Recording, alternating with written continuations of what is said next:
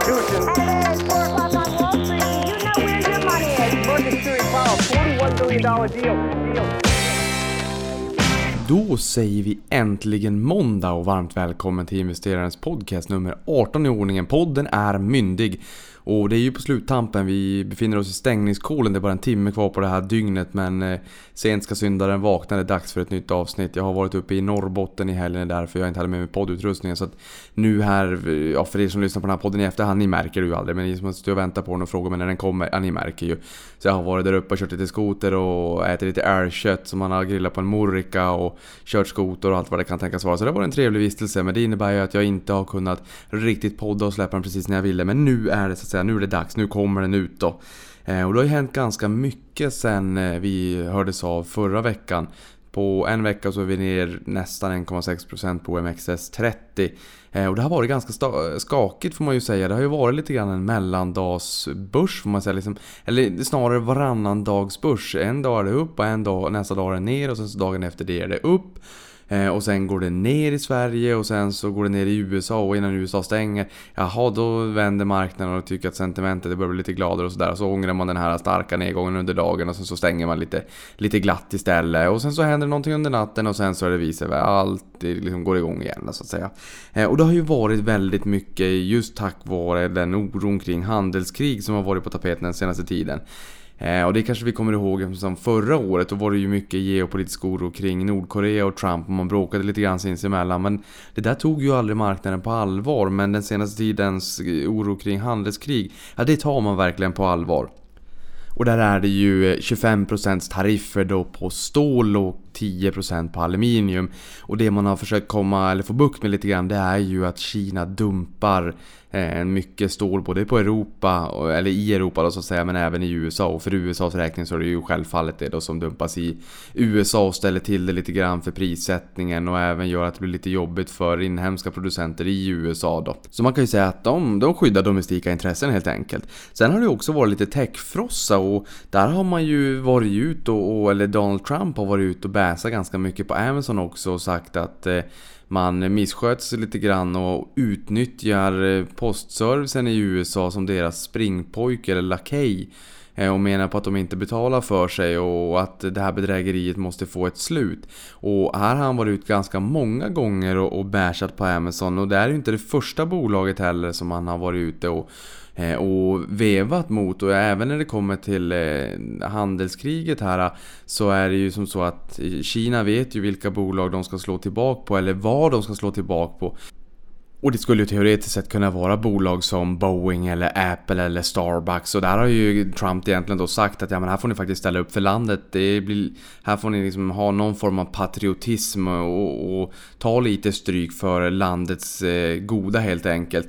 Eh, men någonting som Kina då har slagit tillbaka på det är ju produkter som kommer från rostbältet som har varit en viktig eh, Ehm, eh, väljarskara för Trump då. Så det har varit mycket, det har varit sojabönor och det har varit vattenmeloner och det har varit citroner och eh, det har varit nötter och sådär. Mycket sånt som de som jag förstår då kommer från det här rostbältet som ska slå tillbaka och lite grann med det här kinesiska eh, kinesisk-amerikanska eh, handelskriget har varit en eye for an eye då. När man har sagt att eh, man går ut med 3 miljarder dollar i, i tullar och tariffer då. Då har eh, Kina matchat och sen så gick man ut med 50 miljarder. Det matchade man och sen så sa man att ja, men eh, här får vi börja fundera på om det är inte så att vi ska eh, dra till med 100 miljarder US-dollar. Då säger Kina, vi kommer matcha. Och det här har ju också gjort att man har mjukat upp retoriken lite grann från Vita huset. Jag menar, det är, någonstans så är det ju ett chicken race, men det är ju en ganska hårdförd um, retorik som Trump kör med. Och jag menar, nu inser ju han kanske att de sätter hårt mot hårt och um, då har man ju liksom försökt bluffa och sen har man blivit synad om man då så säger ur mitt lekmannaperspektiv helt enkelt. Då kanske det inte är värt att köra den här um, chicken race retoriken som vi har sett tidigare med Eh, när man eh, bråkade med Nordkorea om vem som hade den största nukleära knappen på sitt skrivbord och huruvida den funkade eller inte. Eh, sen techfrossan också, men många av de här bolagen har ju haft det lite jobbigt just för att man är lite orolig för om det kommer att komma regulatoriska förändringar som, som splittrar upp de här bolagen. För att Många, jag menar i banksvängen förr i tiden, eller ja, numera fortfarande, senast under finanskrisen så insåg vi att många banker var too big to fail. Och att de var systemviktiga eller systemkritiska. Eh, och nu har vi bolag, alltså techbolagen då som har växt riktigt, riktigt stora. Eh, och där man också kan ställa sig funderingen, vad händer när de blir lite för stora? Så som att man kanske då kan påverka val som har varit diskussionsforumet då för, för just Facebooks del. Och jag såg att Dagens Industri skrev eh, en artikel om Fangman, alltså Facebook, Amazon, Netflix, Google eller numera Alphabet, moderbolaget då. Och sen Man i form av Microsoft, eh, Apple och Nvidia. Och de här bolagen tillsammans har ett marknadsvärde på över 4000 miljarder US-dollar, alltså 32 000 miljarder Eh, svenska kronor eller 8 gånger svensk BNP, alltså lika mycket varor och tjänster som vi producerar i Sverige under 8 år. Så det är enorma värden som man har byggt upp i de här bolagen. Men det är ju också rätt känsligt för man har byggt upp rätt mycket baserat på information och data. Eh, och den här datan har vi ju som eh, användare kanske aldrig riktigt ställt oss frågan kring hur den används. Ibland kanske man har funderat lite grann. Men det har aldrig liksom varit en större fråga än så. Men nu har det ju verkligen kommit upp på tapeten att vad händer när bolagen har så mycket information om oss. Så att det här har kommit upp på, på eh, regulatoriskt, eh, eh regulatoriskt håll så att säga, eller på deras skrivbord. Och då funderar man lite grann, vad händer med de här bolagen going forward. Så det här har gjort att det har blivit en liten techfrossa helt enkelt. Sen har vi ju Facebook-skandal med Cambridge Analytica också men som har fått riktigt, riktigt mycket stryk och där det har ju varit en knäck även för förtroendet för Facebook och ehm, det där har väl Mark Zuckerberg kanske inte skött riktigt korrekt och snyggt heller. Han borde ha gått ut mycket, mycket fortare och bett om ursäkt och sagt att man tar tag i det här men det väntas flera dagar och man skulle inte till Storbritannien och, och eh, prata med eh, deras officials och bli utfrågad så att säga om hur det här kunde hända och sådär. Men sen tror jag att det blev så i alla fall.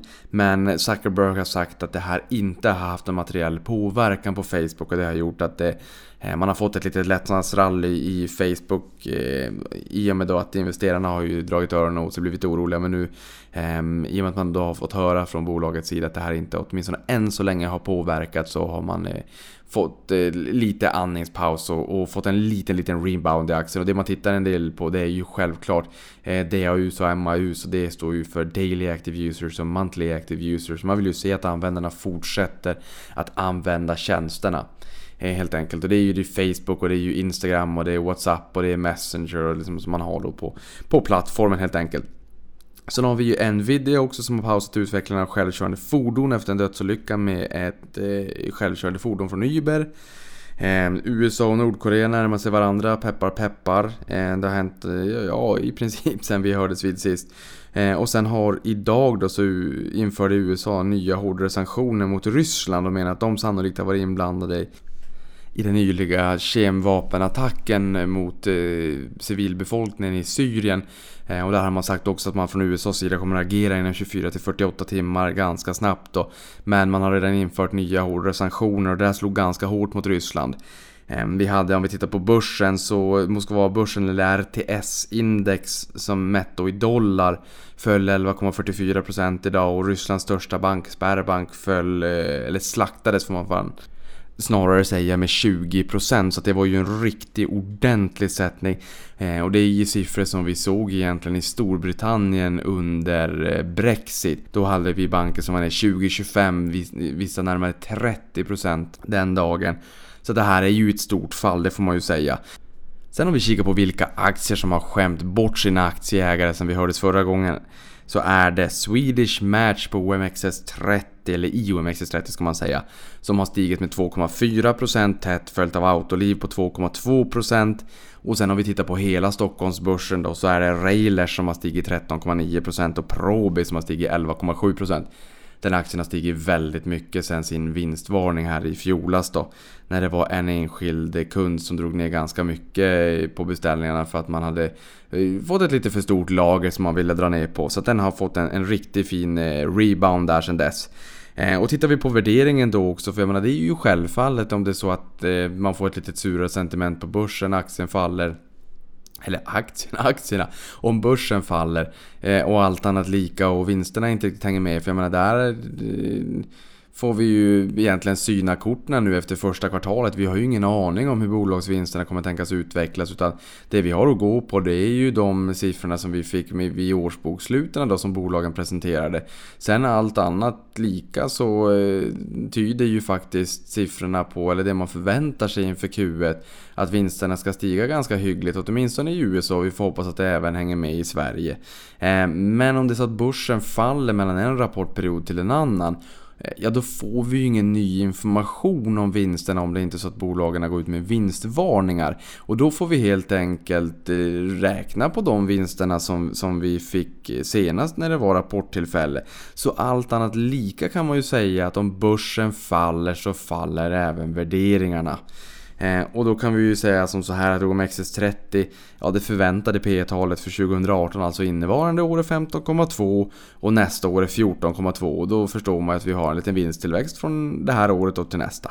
Direktavkastning på 4,5% är en ganska hög direktavkastning och det är ju som ni vet är ju utdelningen i förhållande till aktiekursen. Så man tar alla utdelningar på ett aggregat och sen så delar man det på aktiekurserna som ett aggregat också då. 4,5% är vad OMXS30 förväntas ge i direktavkastning. Eh, tittar vi på USA så Dow Jones handlas till 16,3 och S&P 500 till 16,8. Så även de har ju kommit ner en hel del. Och där kan vi också bjuda på att det är Merck Company som har gått upp 5,2% och Intel har gått upp 2% sen vi träffades sist. Eller ja, träffas i någon form av digitalt format för det är ju i poddformat då. S&P 500, de 500 största börsbolagen i USA, då är Lucadia National 11,5% upp och Nectar eh, Therapeutics eh, 7,7% upp. Och eh, dagens korttema, börsen rör sig ju så att säga lite från dag till dag. Det är en eh, mellandagsbörs som vi har den senaste tiden. Det är lite geopolitisk oro, det är lite eh, Donald Trumps eh, tullar och tariffer. Eh, det är ganska mycket volatilitet. Vi har sett eh, VIX, alltså skräckindex, stiga ganska mycket.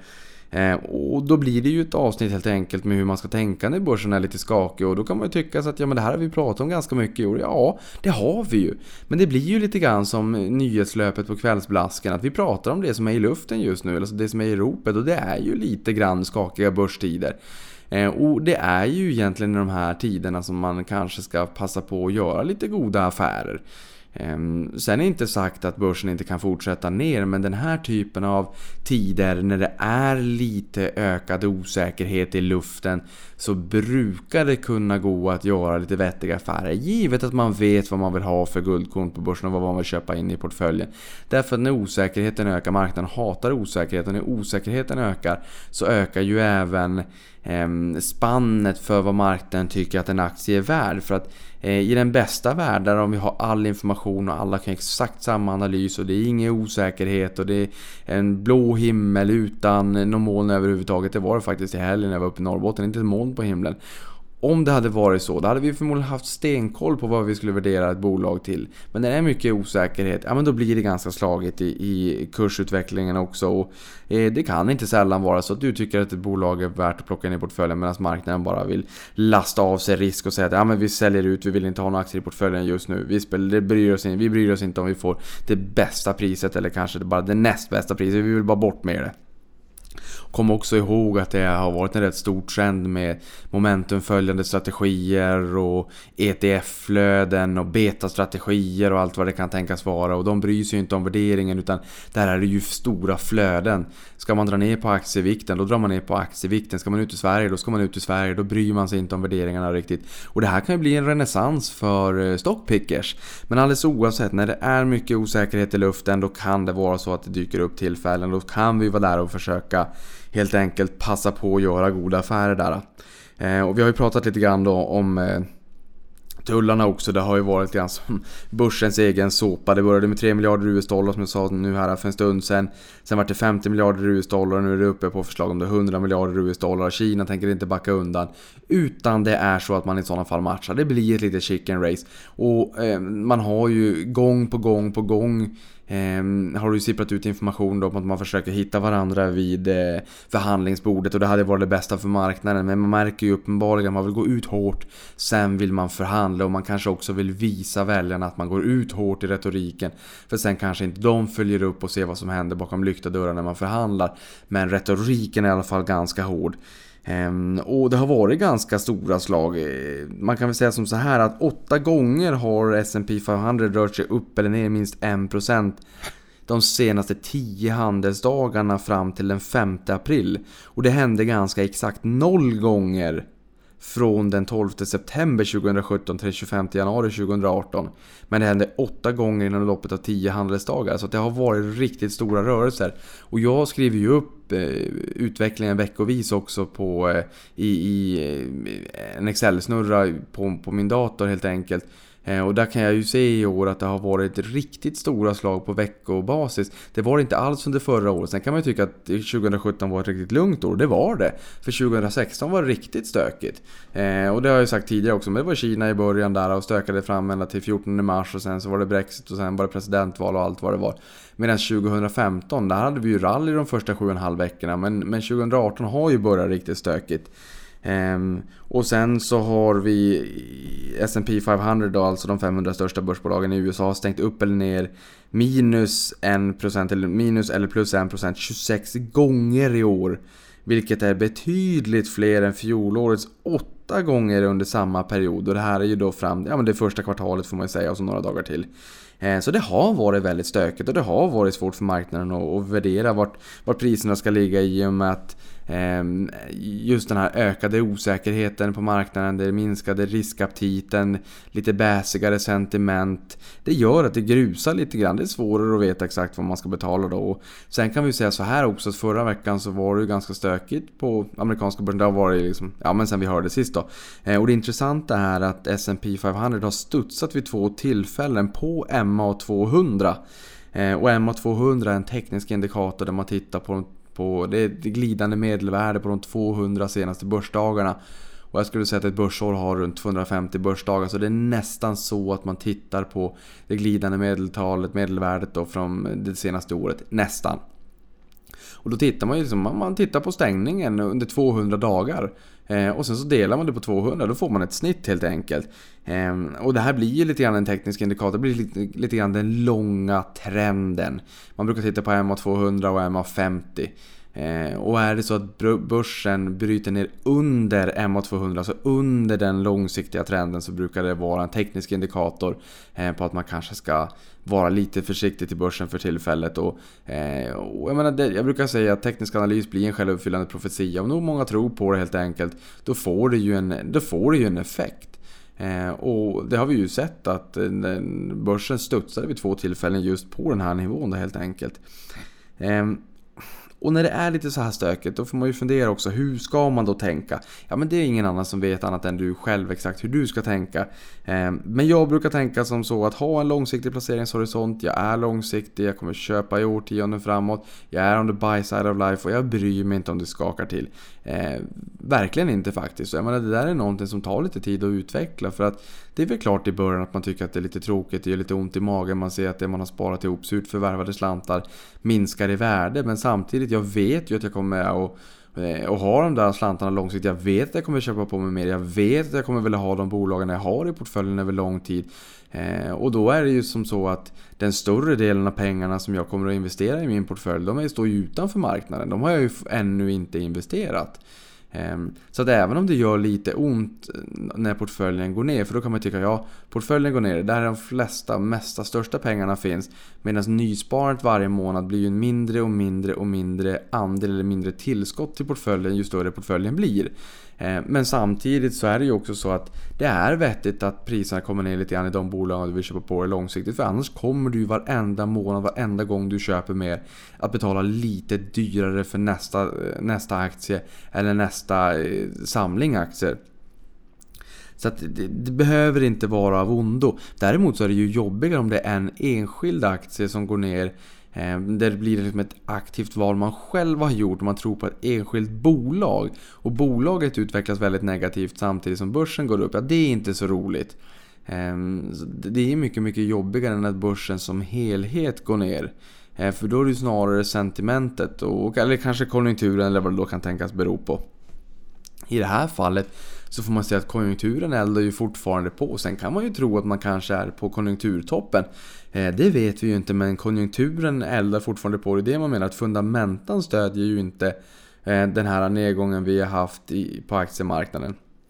Konjunkturen mår bra, vi har låga räntor. Sen det här med låga räntor, det har man ju hört väldigt många gånger. Och det är ju inte en ursäkt för att vi ska ha ett, eh, ett aktierally och att aktierna bara ska stiga och stiga och stiga. För jag menar, någon gång så kommer vi få normaliserade räntor och om aktiemarknaden har stigit väldigt mycket bara på grund av att räntorna är låga, men då bygger vi ju fallhöjd.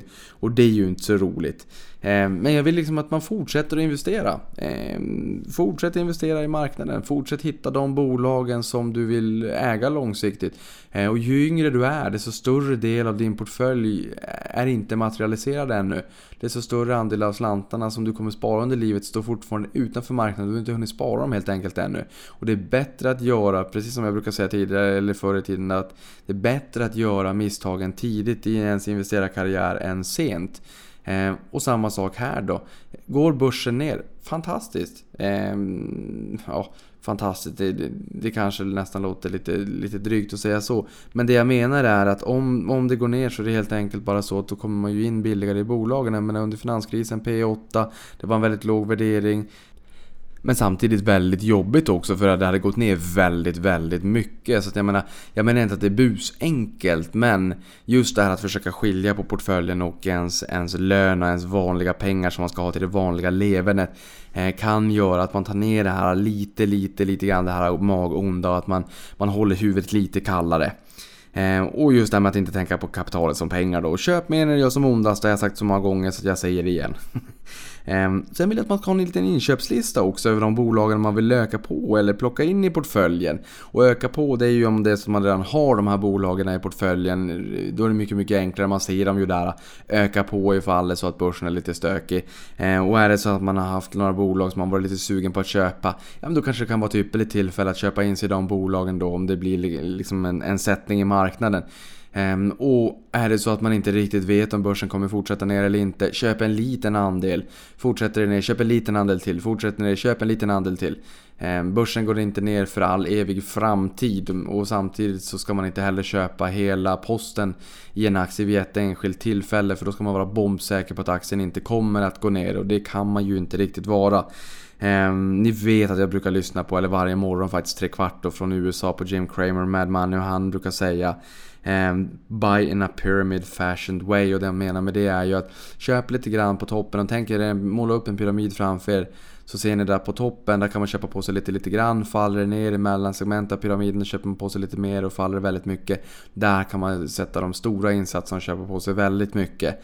Ehm, och när man pratar om det där, ja, tänk dig som i sådana fall börsen. Om börsen eh, står eh, där den då står, eh, där kan man köpa lite grann. Om börsen faller en del så kan man köpa lite mer. Och faller börsen väldigt, väldigt mycket, då kan man vara ganska confident att det kan vara ett bra köpläge. Vi har sett sådana både efter IT-hosen. alltså när det var IT-kraschen och sen även finanskrisen då. Och han brukar säga build, sell or hold och vi säger ju buy, sell or hold i Sverige. Eller köp, sälj eller behåll. Men just det här build, sell or hold är ganska vettigt för att det är ju det vi någonstans förespråkar. Just att build, köp en, en post, fortsätt öka över tid, skala upp det, living on the buy side of life. Du kommer alltså äga aktierna i portföljen kanske under lång tid och köpa på det hela tiden. Så att även om det är så att det går ner, men har du bara identifierat bolag som du vill ha i portföljen så priserna kommer att fluktuera. Vi kommer att ha den här typen av osäkerhet också som vi har haft i marknaden Eh, i år. Det här är ingenting unikt. Vi har sett det så många gånger historiskt. Det har blåst över också. Sen ska man ta väldigt allvarligt på handelskrig. För skulle det blåsa upp till ett fullskaligt handelskrig så kommer det inte gynna någon men det kommer missgynna väldigt många. Ehm, men, äh, så det, det jag vill säga helt enkelt är att försök ha en liten inköpslista med de bolagen som du kanske tycker har varit lite dyr. Eh, eller dyra och de som inte riktigt har lockat till köp tidigare. Ha dem på en lista då och bevaka dem lite grann löpande om det är så att vi får en sättning i marknaden. Det kanske kommer ett tillfälle där du tycker att ja, men nu är prislappen helt rätt helt enkelt. Och sen drabbas inte av panik. Eh, man tjänar inga pengar på att drabbas av panik. Eh, vi vet ju att Warren Buffett har sagt Be greedy when others are fearful and be fearful when others are greedy. Och just nu så är det lite fearful som har varit i marknaden och Ehm, ska vi ta till ännu en klyscha så brukar vi ju säga att det är liksom market timing eller time in the market som är de viktiga faktorerna. Alltså Ska man eh, försöka tajma marknaden och hoppa från tuva till tuva eller handlar det om att vara i marknaden eh, och försöka potta på som en trädgårdsmästare och tro att det här kommer lösa sig över tid om man bara får potta på, köpa på sig lite grann och, och, och eh, cut your losses short, eh, short and let your profits run och det är ju lite grann det det handlar om. För att om vi har sett den senaste tiden när det har varit en mellandagsbörs Eh, Eh, jag menar sålde man ena dagen på oro, sen så fick man en ganska ordentlig uppgång dagen efter. Men den hann man aldrig vara med på. bestämmer, man sig, eh, bestämmer man sig för att sälja för att man tycker att det är lite stökigt, ja då ska du ta korrekt beslut när du säljer. Och sen ska du ta korrekt beslut igen när du väljer att köpa tillbaka. Eh, och det är en psykologi som jag i alla fall inte klarar av. Sen när det gäller fel med kontanter och lite torrt krut om börsen går ner lite grann.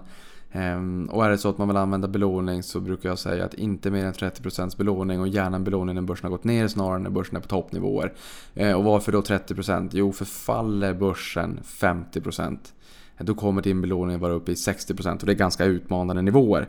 Eh, jag brukar köpa på svaghet, det gör jag ganska ofta. Och, jag menar, det är, eh, och då svaghet dels på, på marknaden och det, det såg vi den 5 februari när vi hade haft helgen från någon form Payroll 2 februari. Där det varit direkt eh, förmodligen kallat in folk runt om i världen. Man har tagit beslut om att dra ner aktievikterna. Alla skulle ut i kolen på morgonen. Sen fick vi en riktig skjuts ner på morgonen.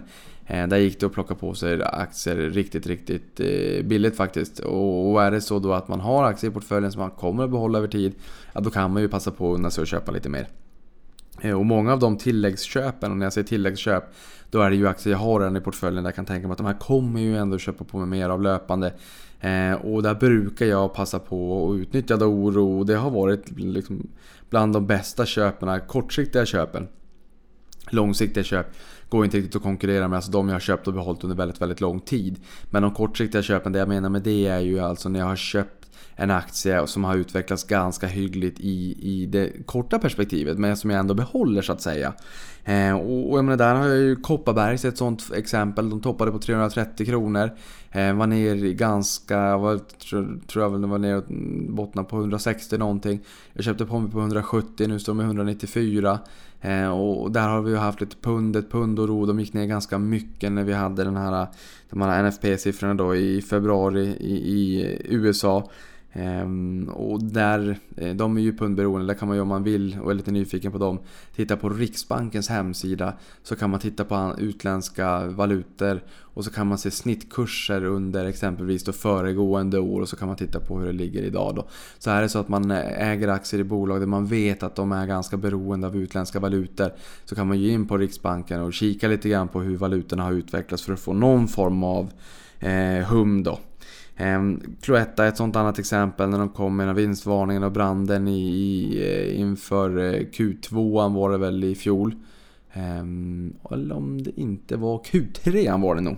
Eh, tiden går så fort. Hexagon, samma sak där med Ola Rolén med de här misstankarna kring insiderhandel. Eh, den gick ner jättemycket, 21% som mest egentligen.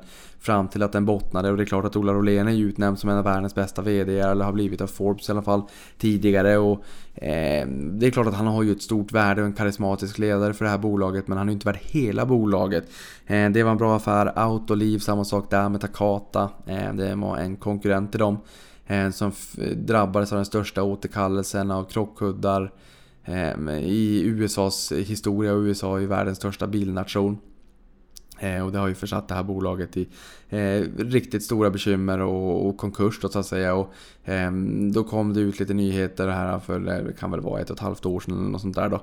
Eh, om att Autoliv hade också drabbats då av, av eh, defekta krockkuddar. Det var ju bara det att det var ju fem sex stycken och det här var ju bilar som hade stått på en parkeringsplats lite för länge. Det var ju väldigt isolerat. Eh, och jag har även varit på en aktieträff med Autoliv efter det här och, och pratat med dem och ställt just de här frågorna. Men det var ju bara några fordon. Eh, när den här nyheten kom ut så bara på inom Inom loppet av några minuter så var aktien ner 16%. Eh, för att sen återhämta sig ganska snabbt. Så menar, är, man, på bollen där så går det att göra bra affärer. Avanza är egentligen eh, eh samma sak där när den var ner på 300, strax eh, ovanför 300 kronor bara för att dra iväg till 480. Nu är den ner på strax kring 400 igen.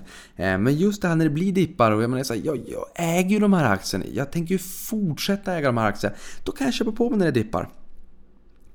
Eh, så eh, det, det är väl lite så jag vill att man ska tänka. Så att i oroliga tider, eh, vänd oroligheterna till din fördel. Våga vara långsiktig.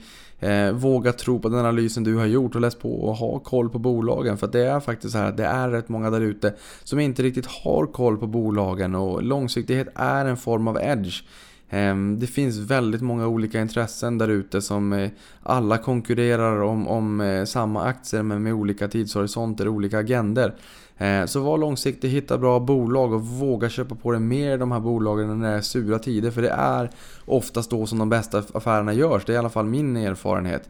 Ehm, så att det, ja, det, det är väl egentligen bara det jag kan säga. Jag hoppas att nästa vecka när vi hörs att vi har något annat att prata om. För nu har det varit väldigt mycket bäst den senaste tiden. Men trots det så tittar man på de amerikanska bolagen som man kan tycka så oh de där hade varit riktigt, riktigt härliga att köpa på sig. Det där vill jag plocka in i portföljen nu när det är lite oroligheter. Ja men titta hur de har utvecklats senaste året. Många bolag har gått fenomenalt bra. Det syns i princip inte alls att det har varit orolighet den senaste tiden för de har gått så otroligt bra. Det är ju inte riktigt fallet i, i Sverige. Och tittar vi inte på Stockholmsbörsens breda index, alltså OMXSP, utan vi nöjer oss med att titta på OMXS30 som ändå är majoriteten av värdet på Stockholmsbörsen. Ja, vi har fortfarande inte hämtat tillbaka toppen 27 april 2015 och med det vill jag bara säga att nu är det dags för nyhetssvep. Det blir ett lite kortare avsnitt idag, eh, så får det bli lite matigare nästa vecka helt enkelt. Och jag har även lite gäster på gång och närmast till hands är eh, Dels Anette Frumeri på Beskab, bostadsutvecklaren. Eh, så vi får eh, lära oss lite mer om hur, hur bostadsutvecklarna, eh, hur hur, hur det är ställt med dem egentligen och om de har det sådär jobbigt som det sägs på löpet eller inte och hur, om det säljs någon, någon nyproduktioner eller inte. Sen har vi Mattias Eriksson också som eh, kommer prata lite grann om hur, det är, hur livet som aktieanalytiker är och hur man ska analysera bolag och hur man gör på riktigt och inte bara det som kanske sägs i kvällsblaskorna utan hur tänker man när man värderar bolag och hur ska man göra rent konkret. Inte bara eh, försöka hitta de här fantastiska bolagen med fina vallgravar och allt vad det är. Utan hur gör man konkret? Så det kommer att komma. Men med det sagt så kan vi säga eh, att första punkten på nyhetssvepet är filmen Black Panther som har eh, gått om Titanic. Som den tredje mest inkomstbringande filmen i USA någonsin. Eh, och intjäningen är uppe i 659,3 miljoner US-dollar och globalt har den inbringat 1,29 miljarder US-dollar och befinner sig på tionde plats globalt eh, för den mest inkomstbringande filmen någonsin. Sen har vi spelbolagen Paradox och THQ, eh, två stycken bolag i spelsfären, spelsverige, alltså inte betting om pengar utan gaming, dataspel eh, som har kommit in på börsen senare tid. Eh, både Fredrik Wester på Paradox och THQ Lars Wingefors ansluter sig till distributionsplattformen Robotcash som kommer att, inte cash som pengar utan catch. Catch minne. Robocash. Som kommer att ge förläggaren större del av kakan jämfört med Steam då som är den största globala distributionsplattformen idag. Ehm, och där är det ju liksom gängse att den som utvecklar spelet och lägger upp den, den får eh, 70% av kakan då, som man för varje, 70 kronor för varje hundralapp som man säljer. Medan eh, Steam då, distributionsplattformen, tar 30 kronor per hundralapp, alltså 30% av kakan då. Eh, men här kommer eh, spelförläggarna få behålla i princip hela slanten. Om jag har förstått det hela rätt så kommer man kunna få behålla upp mot 95%. det här är ju klart att för vissa tycker man att det här är ju ganska bra. Eh, vissa kan tycka att ja, jo, jo, men Steam är ju ändå världens största och det är en bra marknadsföringskanal och sådär. Jo, men jag har också sett siffran på att det är 100 titlar av 21 000 titlar som står för hälften av omsättningen. Så att du ska ju vara liksom ganska stor där. Eh, och de största titlarna får liksom de största pengarna. Så om det är så att vi har vissa andra spel där spelarna ändå söker sig till de här bolagen. Eh, Paradox har sina kunder, sina hardcore fans. Man vill kunna eh, vara kopplad till den här plattformen, kunna ha sina spel digitalt i molnet och sådär. Men man behöver kanske inte ha dem på Steam. Eh, och sen så får man behålla en större del av kakan själv då. Det är ju marginalstöttande för bolagen också. Eh, och marginalstöttande då för oss aktieägare helt enkelt. Sen har vi Spotify som är börsnoterat nu då och han kom igång efter några timmar. Aktien var som mest uppe i 168 kronor och 50... 168,5 US dollar ska sägas, det är ingenting om kronor här. Eh, men hon har även kommit siffror om att Apple Music är uppe i 40 miljoner abonnenter och 8 miljoner testare, så 48 miljoner personer. Så att kampen hårdnar ju. Eh, och skivjätten Sony dumpade en femtedel av sina aktier första handelsdagen för eh, Spotify. Eh, och sen har vi sist men inte minst DI Digital avslöjat H&M's nya satsning Afound, Afound alltså ett fynd typ då, lanseras under våren. Och det här är ju en marknadsplats för rabatterade varor inom mode och livsstil. Och det här är ju en butik som då även kommer att öppna upp på Drottninggatan. Man stängde ju en av två H&M butiker där och där kommer ju Afound öppna upp då. Så det var väl det om det och nu är vi ju inne i april så nästa vecka när vi hörs så kommer vi kanske ha några eh, kvartalsrapporter att grotta ner oss i lite grann vad de säger för någonting i bolagen. Så att eh, vi stannar här och sen så hoppas vi att vi har lite kvartalsrapporter att bita ett tag i nästa gång. Så får jag önska er en, en riktigt härlig eh, börsvecka. Tack för mig!